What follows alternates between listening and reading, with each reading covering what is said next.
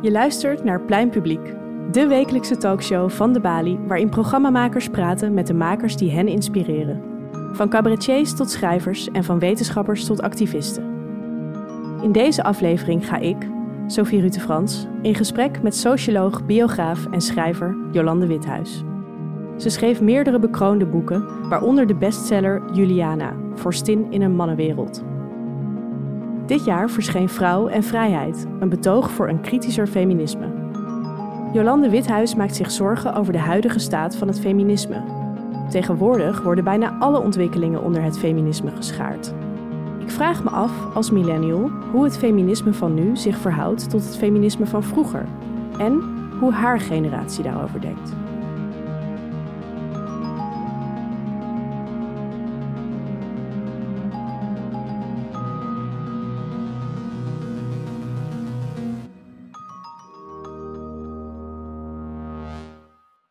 Dat jullie hier zijn in de pleinzaal van de Bali. En vandaag is bij mij te gast uh, Jolande Withuis, schrijver, sociologe, feministe. En we gaan praten over haar nieuwe boek, of eigenlijk is het een boekessay. Het heet uh, Vrouw en Vrijheid. En ze heeft uh, hiervoor natuurlijk heel veel biografieën geschreven, ook andere boeken, waaronder die over koningin Juliana die hier ligt. daarmee werd ze genomineerd voor de Brusselprijs en de Nederlandse Biografieprijs.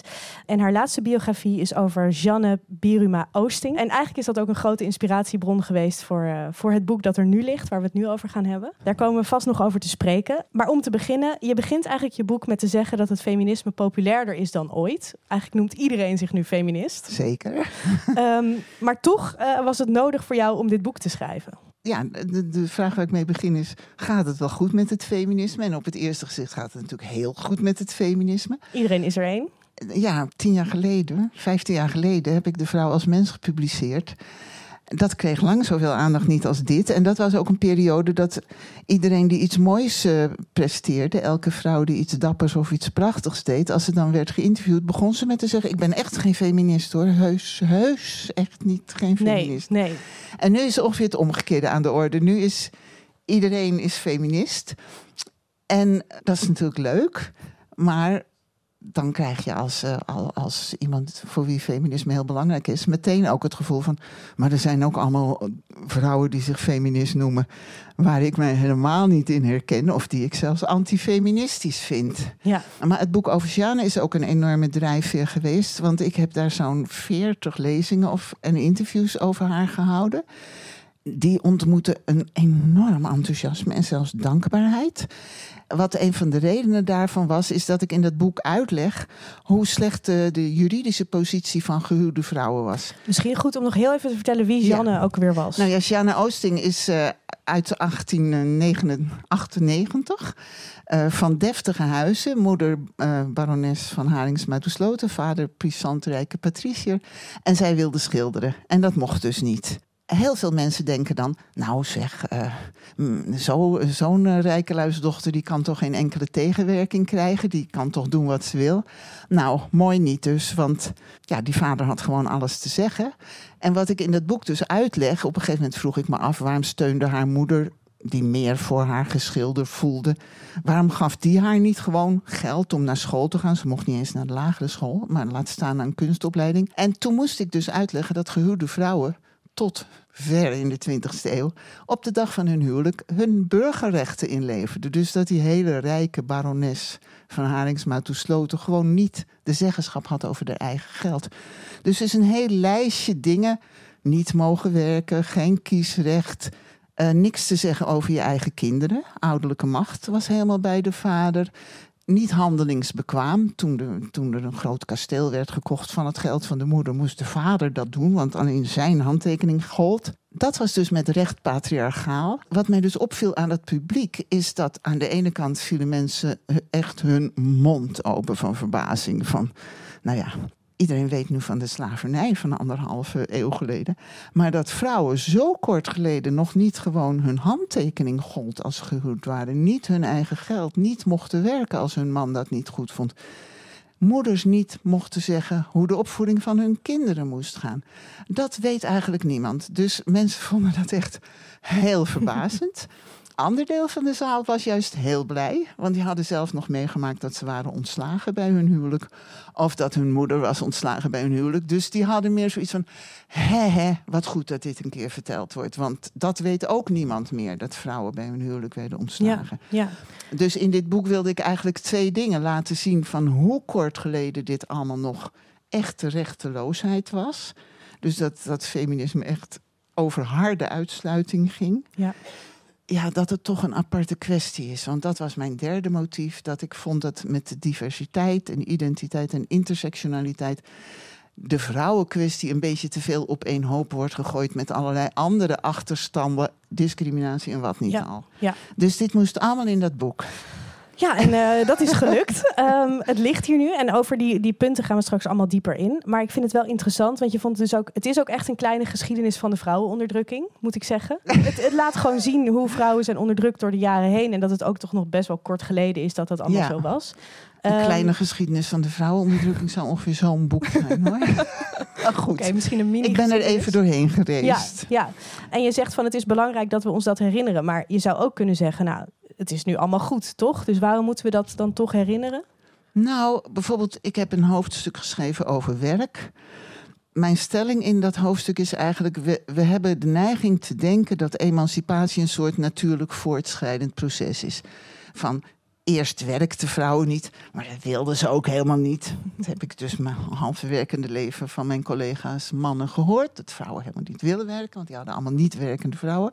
Dat wilden ze niet. En nu gaat het steeds beter en gaan ze steeds meer werken. Ik begin dat hoofdstuk een beetje cynisch met het laatste eh, eh, onderzoek van het SCP. Weer een half uur langer per week.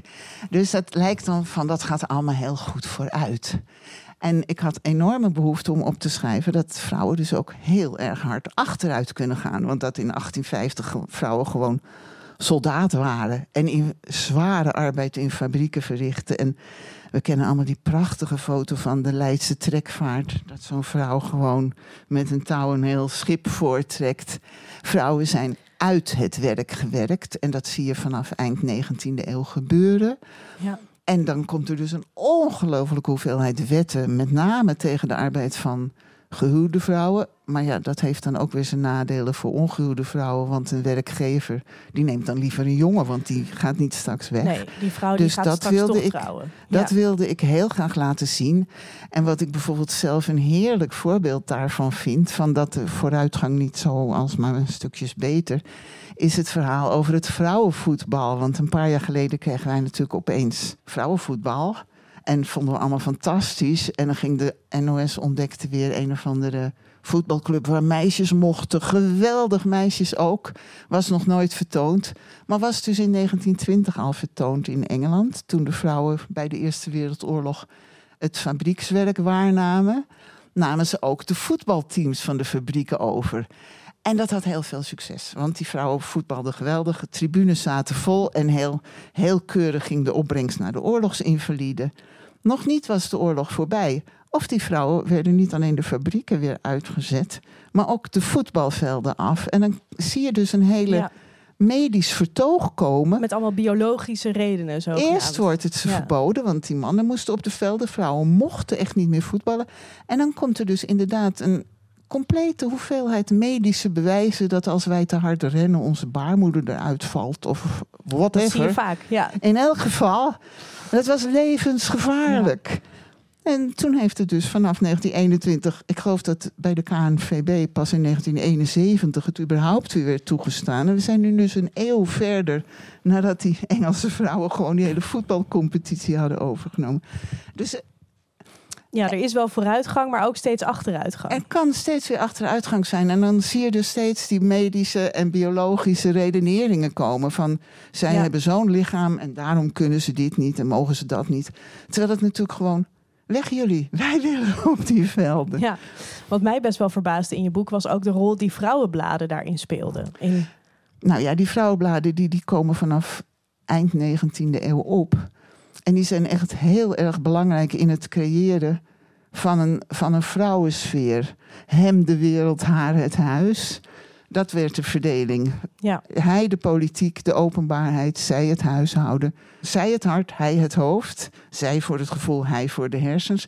Dat krijg je eind 19e eeuw met de wetenschap en de, en de vrouwenbladen en de medische. Wordt dat enorm uitgevent. Ja. En dat wordt ook het ideaal van de lagere klasse. Dus de vakbonden nemen dat bijvoorbeeld over. Een van de dingen die ik echt als schokkend heb ervaren als uh, buitengewoon links opgegroeid meisje. Altijd gehoord dat in de Sovjet-grondwet man en vrouw gelijk waren, helemaal in orde. Maar als je dus naar de geschiedenis van de arbeid kijkt, dan zie je dat feministen als Wilhelmine Drucker en Aletta Jacobs, die zich tegen aparte arbeidsbescherming voor vrouwen keerden, die hadden niet alleen de kerken en de conventionele politiek tegen zich, maar ook de vakbonden. En dat letterlijk met argumenten van op een gegeven moment komt er een verbod voor zaterdagmiddag werken. Want als de mannen en de zonen thuiskomen, moet die vrouw het huis aan kant hebben. Weet je, ze hebben het dus al druk genoeg, dus ze moeten niet ook nog, uh, ja. Het is steeds, zie je dat die vrouw ook door de vakbonden, die, die het wegwerken van vrouwen uit de arbeid er steeds minder mogen werken, wordt gesteund. Ook met argumenten van vrouwen zijn er om mannen te verzorgen en nieuw nageslacht te verzorgen. Dat is een van de redenen waarom ik altijd roep: feminisme is niet links. Feminisme is natuurlijk ook niet rechts.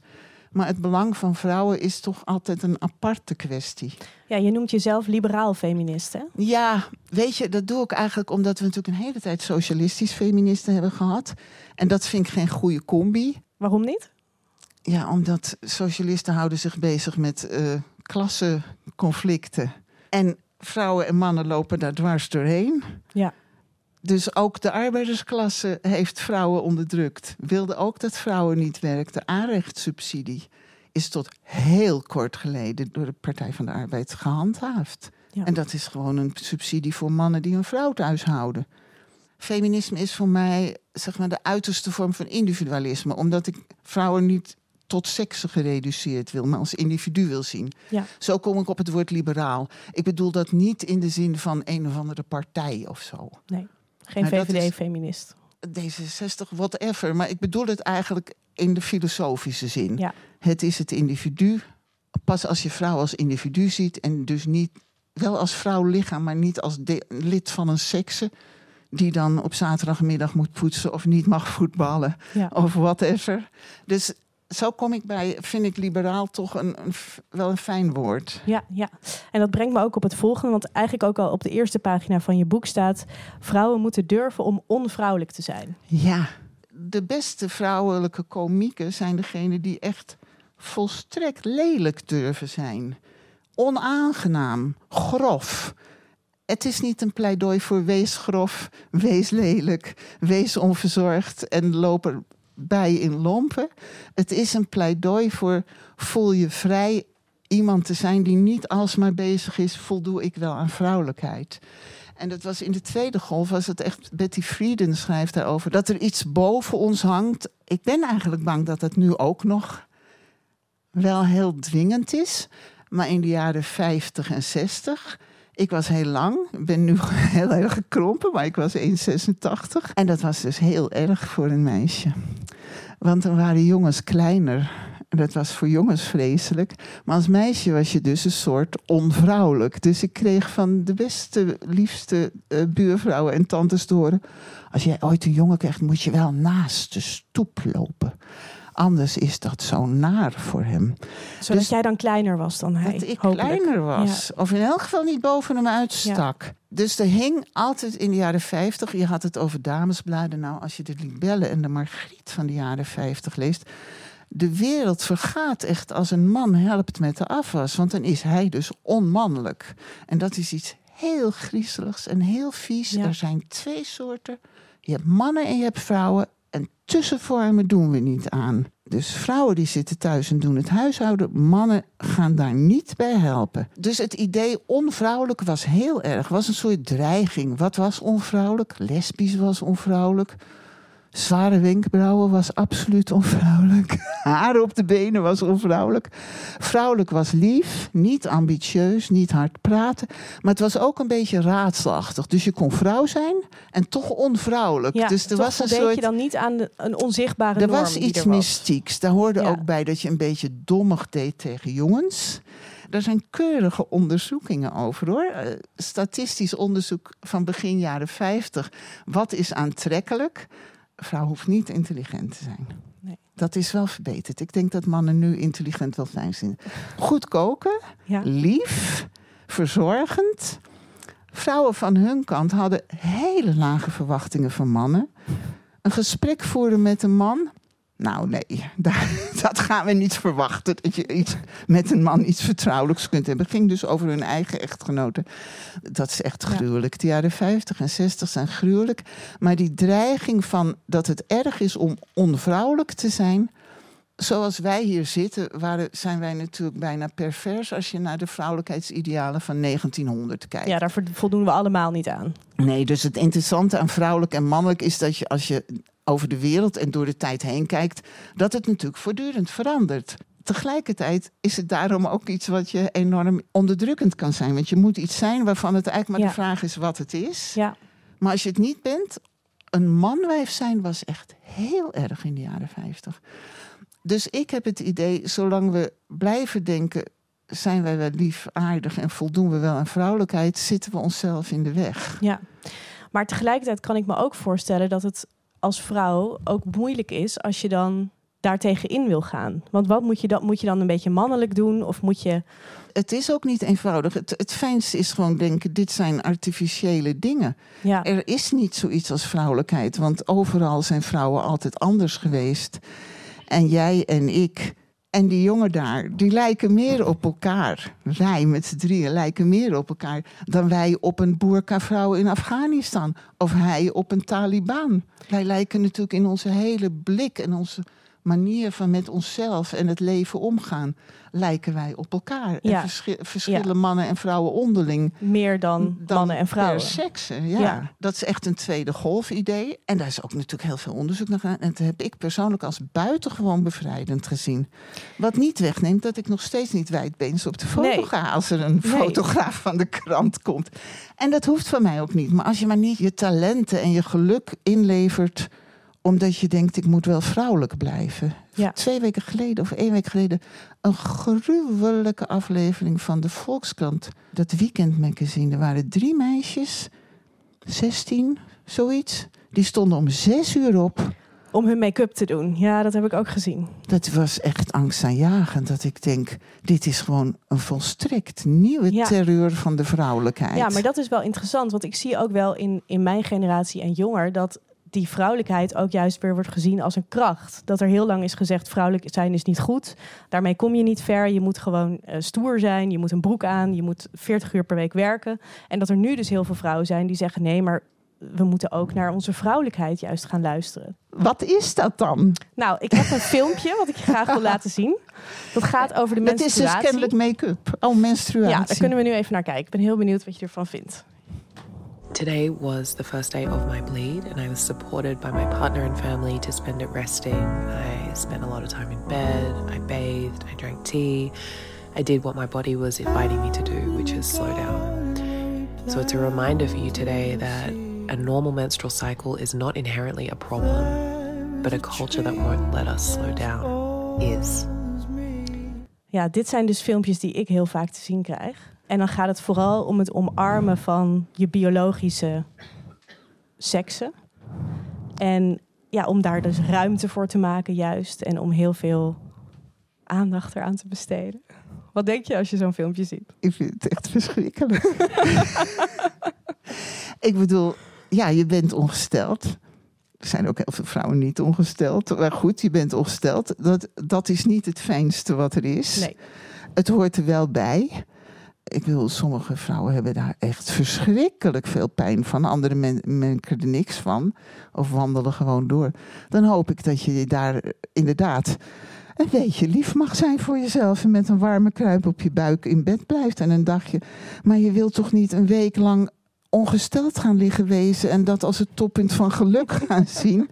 Ik vind het echt afschuwelijk, zul ik denken. Ja, Ik, ik, ik vind het ook.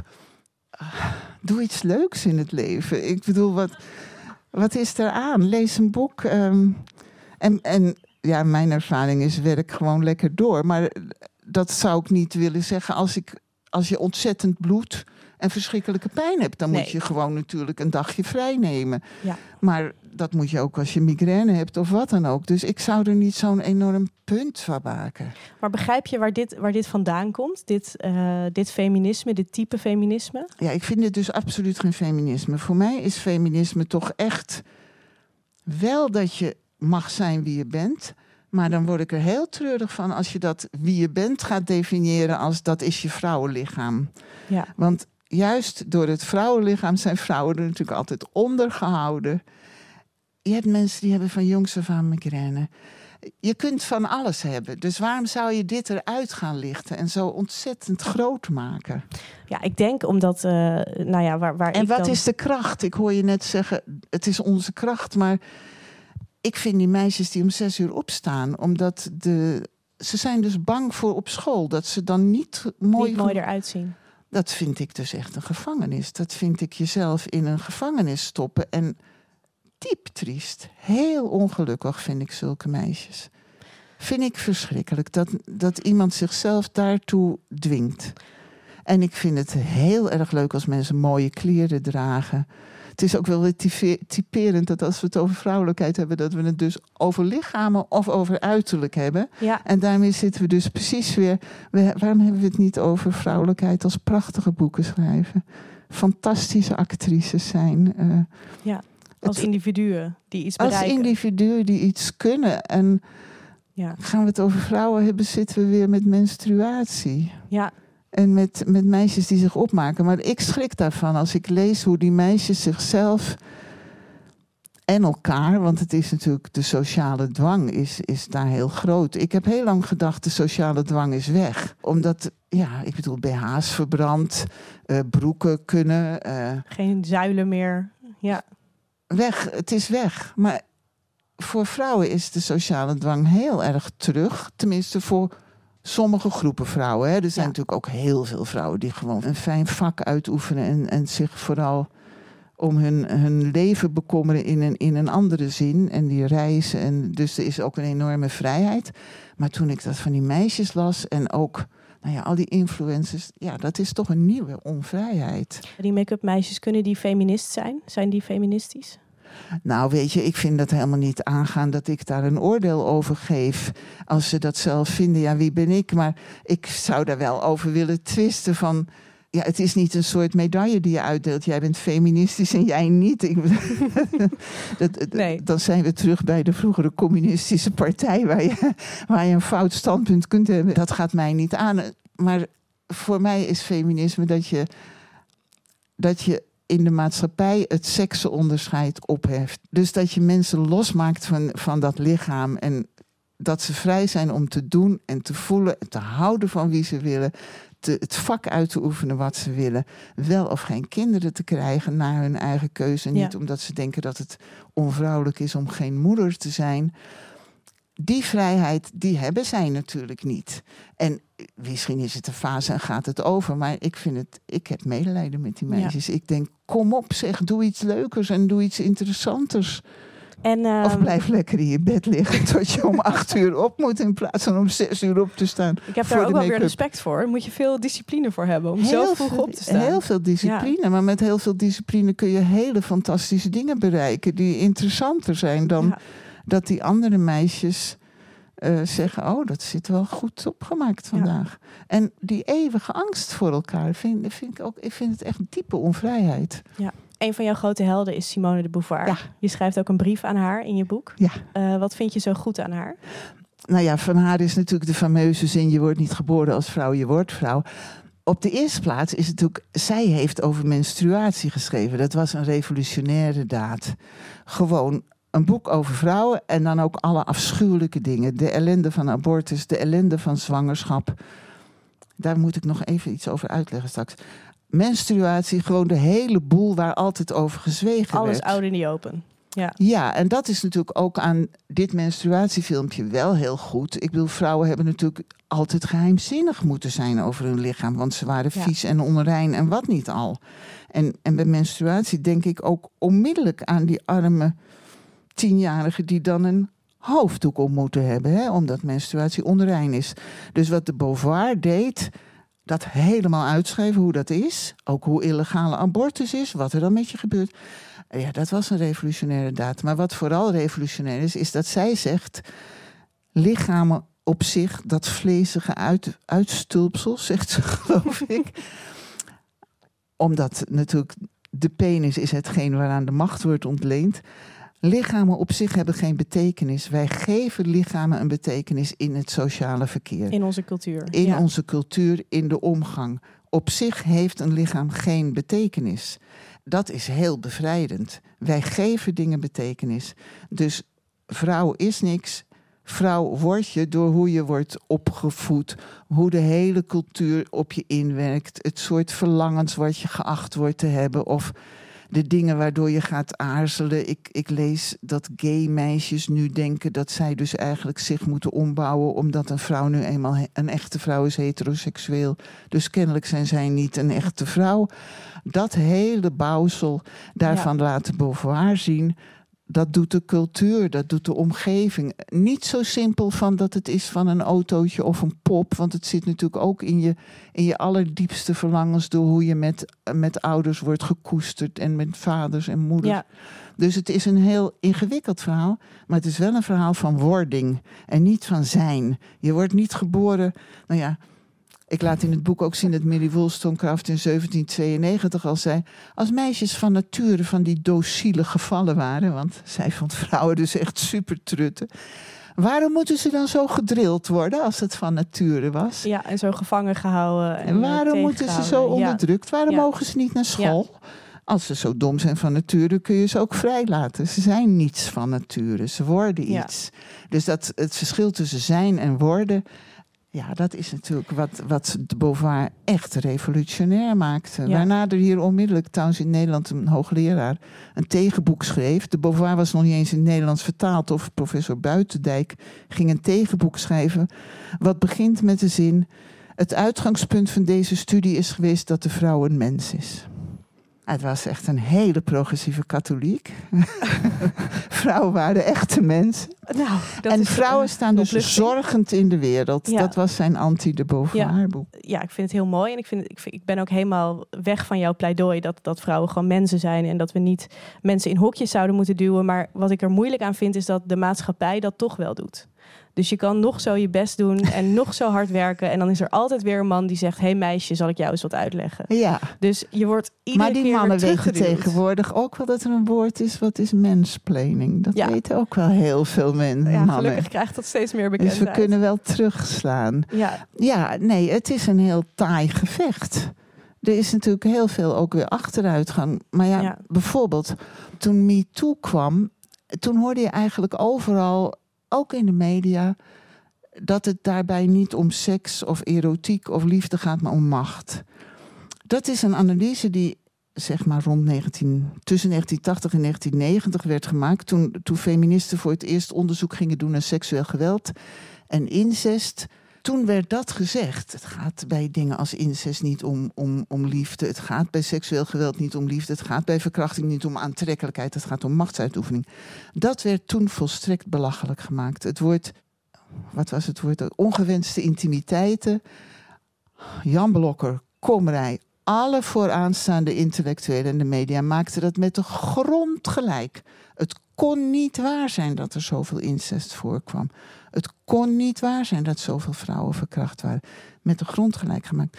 Dat is niet meer. nee, dus er verandert wel iets. Ik vind dat er, het is nu eigenlijk gewoon onmiddellijk geloofd. Die vrouwen werden niet niet geloofd. En er werd gevonden dat het niet mocht. Ja.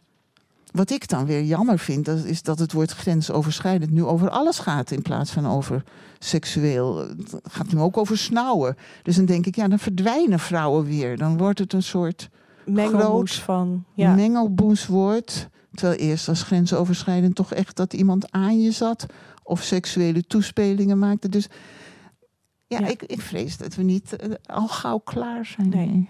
Hou vol, zou ik zeggen. Oké, ik zal het proberen. Ga gewoon door. Eh, je wilde ook nog iets zeggen over zwangerschap, zei je net. Ja, Simone de Beauvoir die heeft echt iets van... je moet als mens dus je bevrijden uit het lichaam.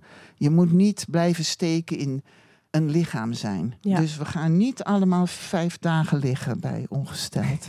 Wat is het heerlijk om niet meer ongesteld te zijn. En daaruit heeft Alei Truijens heeft uit mijn stukje dat ik zeg, ik vind dat heel verfrissend, want dat de Beauvoir zegt, zwangerschap is niet het mooiste wat er is. En toen, toen schreef Alei Thuis in haar recensie dat ik tegen moederschap ben.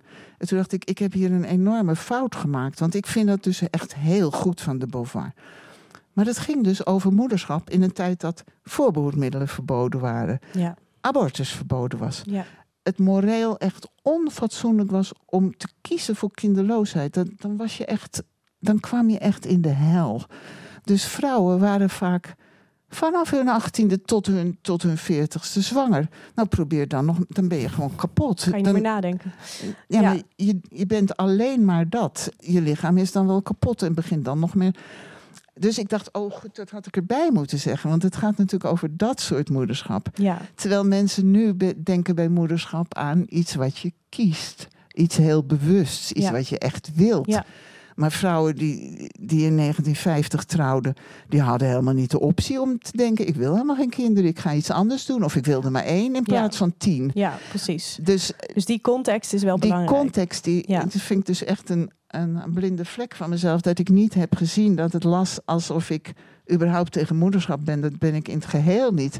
Maar dat soort moederschap, wat natuurlijk in een heel groot deel van de wereld nog steeds de realiteit is. Hè? Ja. Niks eh, kiezen voor kinderen. Dolblij als je niet zwanger bent. Daar ging het de bovenaan Maar dat is nog over. eigenlijk ook nog wel een interessant punt. Want ik denk dat ook nog steeds in deze tijd, eigenlijk helemaal aan het begin van het gesprek zei je dat ook. Hè, van nou, we zijn blij dat vrouwen weer een half uur extra zijn gaan werken. En dat is dan de vooruitgang. Maar je ziet wel vaak, tenminste, ik zie ook wel bij vriendinnen, die krijgen dan een kind. En eigenlijk vanaf dat moment komt die ongelijkheid weer heel hard terug. Ja, dat hele stuk over het werken heb ik eigenlijk heel erg geschreven om te laten zien dat het niet gaat om hoeveel uren je werkt, maar om het kostwinnerschap. Ja. Het idee van kostwinnerschap, dat is eigenlijk wat ook met al die arbeidsbescherming erin is gegooid. Ik zeg ergens, vrouwen werden de sekse die moet worden onderhouden. Is het niet door een man, dan is het door de staat. Maar vrouwen zijn de te onderhouden seksen. Ja. En als je degene bent die, die wordt onderhouden. Eerste golf zei heel streng: het huwelijk is eh, gelegaliseerde prostitutie. Als je gedwongen bent te trouwen omdat je gewoon brood op de plank moet hebben, dat is natuurlijk afschuwelijk. Dus ik vind veel belangrijker dan hoeveel je nou precies per week werkt. Ik bedoel, er kunnen hele goede redenen zijn om even minder te werken. Maar meisjes moeten gewoon opgroeien met het idee van dat je in principe een vak leert. En dat je jezelf moet kunnen onderhouden. En, en oh ja, je zegt zodra de kinderen komen, wordt het weer Ja. ongelijk. Ja. Ja. dan wordt dus de vrouw weer de, de onderhouden sekse. Ja. De maatschappij probeert dat eigenlijk een beetje te veranderen door mannen om te kopen. Door alle soorten verlof te betalen voor mannen. Dat gaat mij soms echt veel te ver. Ja, ik denk, hoezo? Nou, omdat ik het, omdat ik het niet een soort maatschappelijke eh, verantwoordelijkheid vind, maar de verantwoordelijkheid van vaders. Ik bedoel, als je een kind krijgt, krijg je dat samen en is die vader ook Ja, verantwoordelijk. daar en hoef je het niet een, voor omgekocht te worden. het is een beetje raar dat we daar ontzettend veel geld als samenleving, of je nou zelf kinderen hebt of niet, in moeten stoppen om die vader zover te krijgen dat ze voor hun eigen kinderen zorgen. Vrouwen hebben dat altijd gratis en voor niks gedaan. Ja, En dan wordt het nog ehm naar artis, geloof ik meestal. Maar- ja, ja. ja, maar dat zijn die vrouwen toch zelf bij. Het verschil. John Stuart Mills citeer ik ergens, die heel mooi in 1870 uitlegt wat het verschil is tussen zwarte slavernij en de positie van vrouwen. Die zegt, die zwarte slaven, daarvan is het genoeg, vinden hun meesters, dat ze eronder gehouden worden. Maar vrouwen worden geacht van hun slavenhouders te houden. Tussen mannen en vrouwen, wij voeden vrouwen op dat ze maar alles voor ons doen, maar dat ze denken dat ze dat uit genegenheid doen. Dat ze zich willen opofferen, dat dat Ja. heel vrouwelijk is. Ja. Dus het punt van de, relatie tussen mensen met- die kinderen hebben, mannen en vrouwen die uit liefde kinderen krijgen, is een machtsrelatie en een liefdesrelatie gelijk. En dat maakt het natuurlijk heel erg ingewikkeld. Tegelijkertijd maakt het ook iets wat je niet helemaal van bovenaf kunt gaan opleggen. Nee, Dat is toch iets wat vrouwen ook met die partner op het moment dat ze verliefd worden, moeten denken: gaat deze voor zijn kinderen zorgen? Of moet ik anders met deze maar geen kinderen krijgen? En je denkt dus dat de staat, dus gratis kinderopvang, dat soort dingen. Nou, weet je, ik vind wel dat als je vindt dat mannen en vrouwen allebei gewoon gelijkwaardig zijn, dan hoort, er, dan hoort er ergens een goede voorziening te zijn. Ja.